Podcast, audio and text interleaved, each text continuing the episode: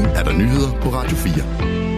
EU's medlemslande forventes at pålægge Rusland yderligere sanktioner, efter at den russiske oppositionspolitiker Alexei Navalny døde fredag. Det oplyser EU's udenrigschef Josep Borrell forud for mødet mellem EU's udenrigsministre i dag. Vi er nødt til at sende et budskab om støtte til russisk opposition, så på begge fronter, den politiske og den militære, er vi nødt til at fortsætte vores støtte til Ukraine og til det russiske folk, der ønsker at leve i frihed, lyder det fra Josep Borrell. Navalny's enke slutter sig til samlingen i Bruxelles senere i dag. Sundhedsstyrelsen skal se på, om det overhovedet er nødvendigt at veje kvinder i løbet af deres graviditet. Så lyder det fra formanden for Dansk Selskab for Almen Medicin, Bolette Frederiksen, til Radio 4. I dag anbefaler Sundhedsstyrelsen, at alle kvinder bliver varet minimum tre gange i løbet af deres graviditet, men styrelsen bør se kritisk på de retningslinjer, siger formanden. Men det er vigtigt at holde øje med vægten, mener Per Ovesen, der er overlæge og professor på fødeafdelingen på Aarhus Universitetshospital. Det betyder noget for, for hvor meget hun har taget på, jo mere tager barnet også på. Det synes jeg er det største problem. Hvis mor tager for meget på, så får hun et stort barn. Det giver et umiddelbart problem. Det kan være svært at føde, hvor vi føder barn, og vi må ofte måske lave sek- eller kejsersnit i stedet for. Mm. Men også det barn, der bliver født, og som bliver født overvægtig, der har man måske lagt kimen til, at det vil blive ved med at være overvægtig. Mm. Så jeg synes, der er meget god grund til at prøve at holde øje med den vægt under graviditeten. Randi Mølmark O'Connor ville ønske, at fokus på vægt havde været mindre, da hun gik til jordmor under første graviditet. Her fik hun nemlig at vide, at hun havde gjort skade på sin krop og sit barn, fordi hun havde taget for meget på.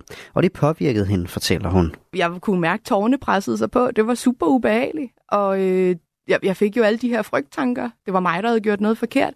For der var heller ikke nogen løsning. Jeg fik ikke nogen løsning med jeg fik, ikke en, jeg fik ikke noget råd til, hvad jeg kunne gøre, udover at jeg skulle ud og gå mere.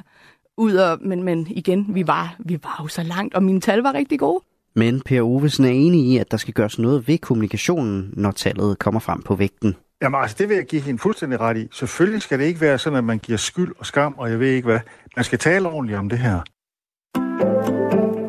Russerne har haft et overtag på materiel, og det har betydet, at de har kunne rykke fronten længere ind i Ukraine. Det siger Jakob Korsbo, der er sikkerhedspolitisk senioranalytiker i Tænketanken Europa. I weekenden indtog de russiske styrker byen Avdika. Samtidig har ukrainske og russiske tropper været involveret i 80 kamphandlinger i løbet af det seneste døgn. Og det har fået ukrainerne under pres, fortæller Jakob Korsbo. Russerne her i løbet af januar har haft et øh, overtag, ikke mindst på artilleri, som har været meget voldsomt. Ikke? Øh, det har ligget i et leje mellem 3 og 5 til 1. Så mange flere artillerigranater har, har russerne skudt af øh, siden, øh, siden nytår, godt og vel.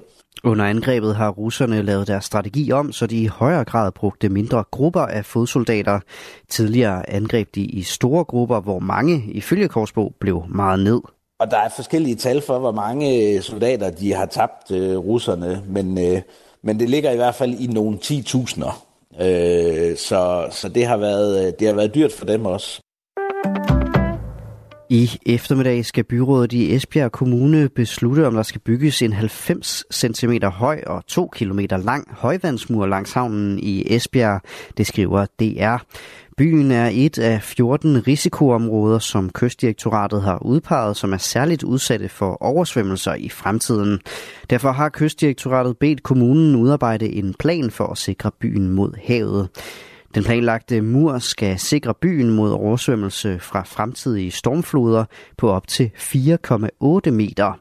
Det vil efter de nuværende prognoser være nok til at sikre byen frem til år 2065. Hvis muren bliver stemt igennem, skal Esbjerg Kommune finde knap 47 millioner kroner i budgettet for at betale for højvandsmuren. Kystdirektoratet støtter projektet med 17 millioner kroner. Og så nåede vi også til en vejrudsigt, som byder på gråvejr de fleste steder og perioder med lidt regn, dis eller tåge. Stedvis kan der komme kig til solen. Temperaturer mellem 3 og cirka 8 grader. I aften og i nat mest skydevejr med lidt regn hister her og stedvis tåge, men i Nordjylland måske perioder med klart vejr og temperaturer ned mellem 2 og 5 grader. Det var nyhederne her på Radio 4 med Asbjørn Møller.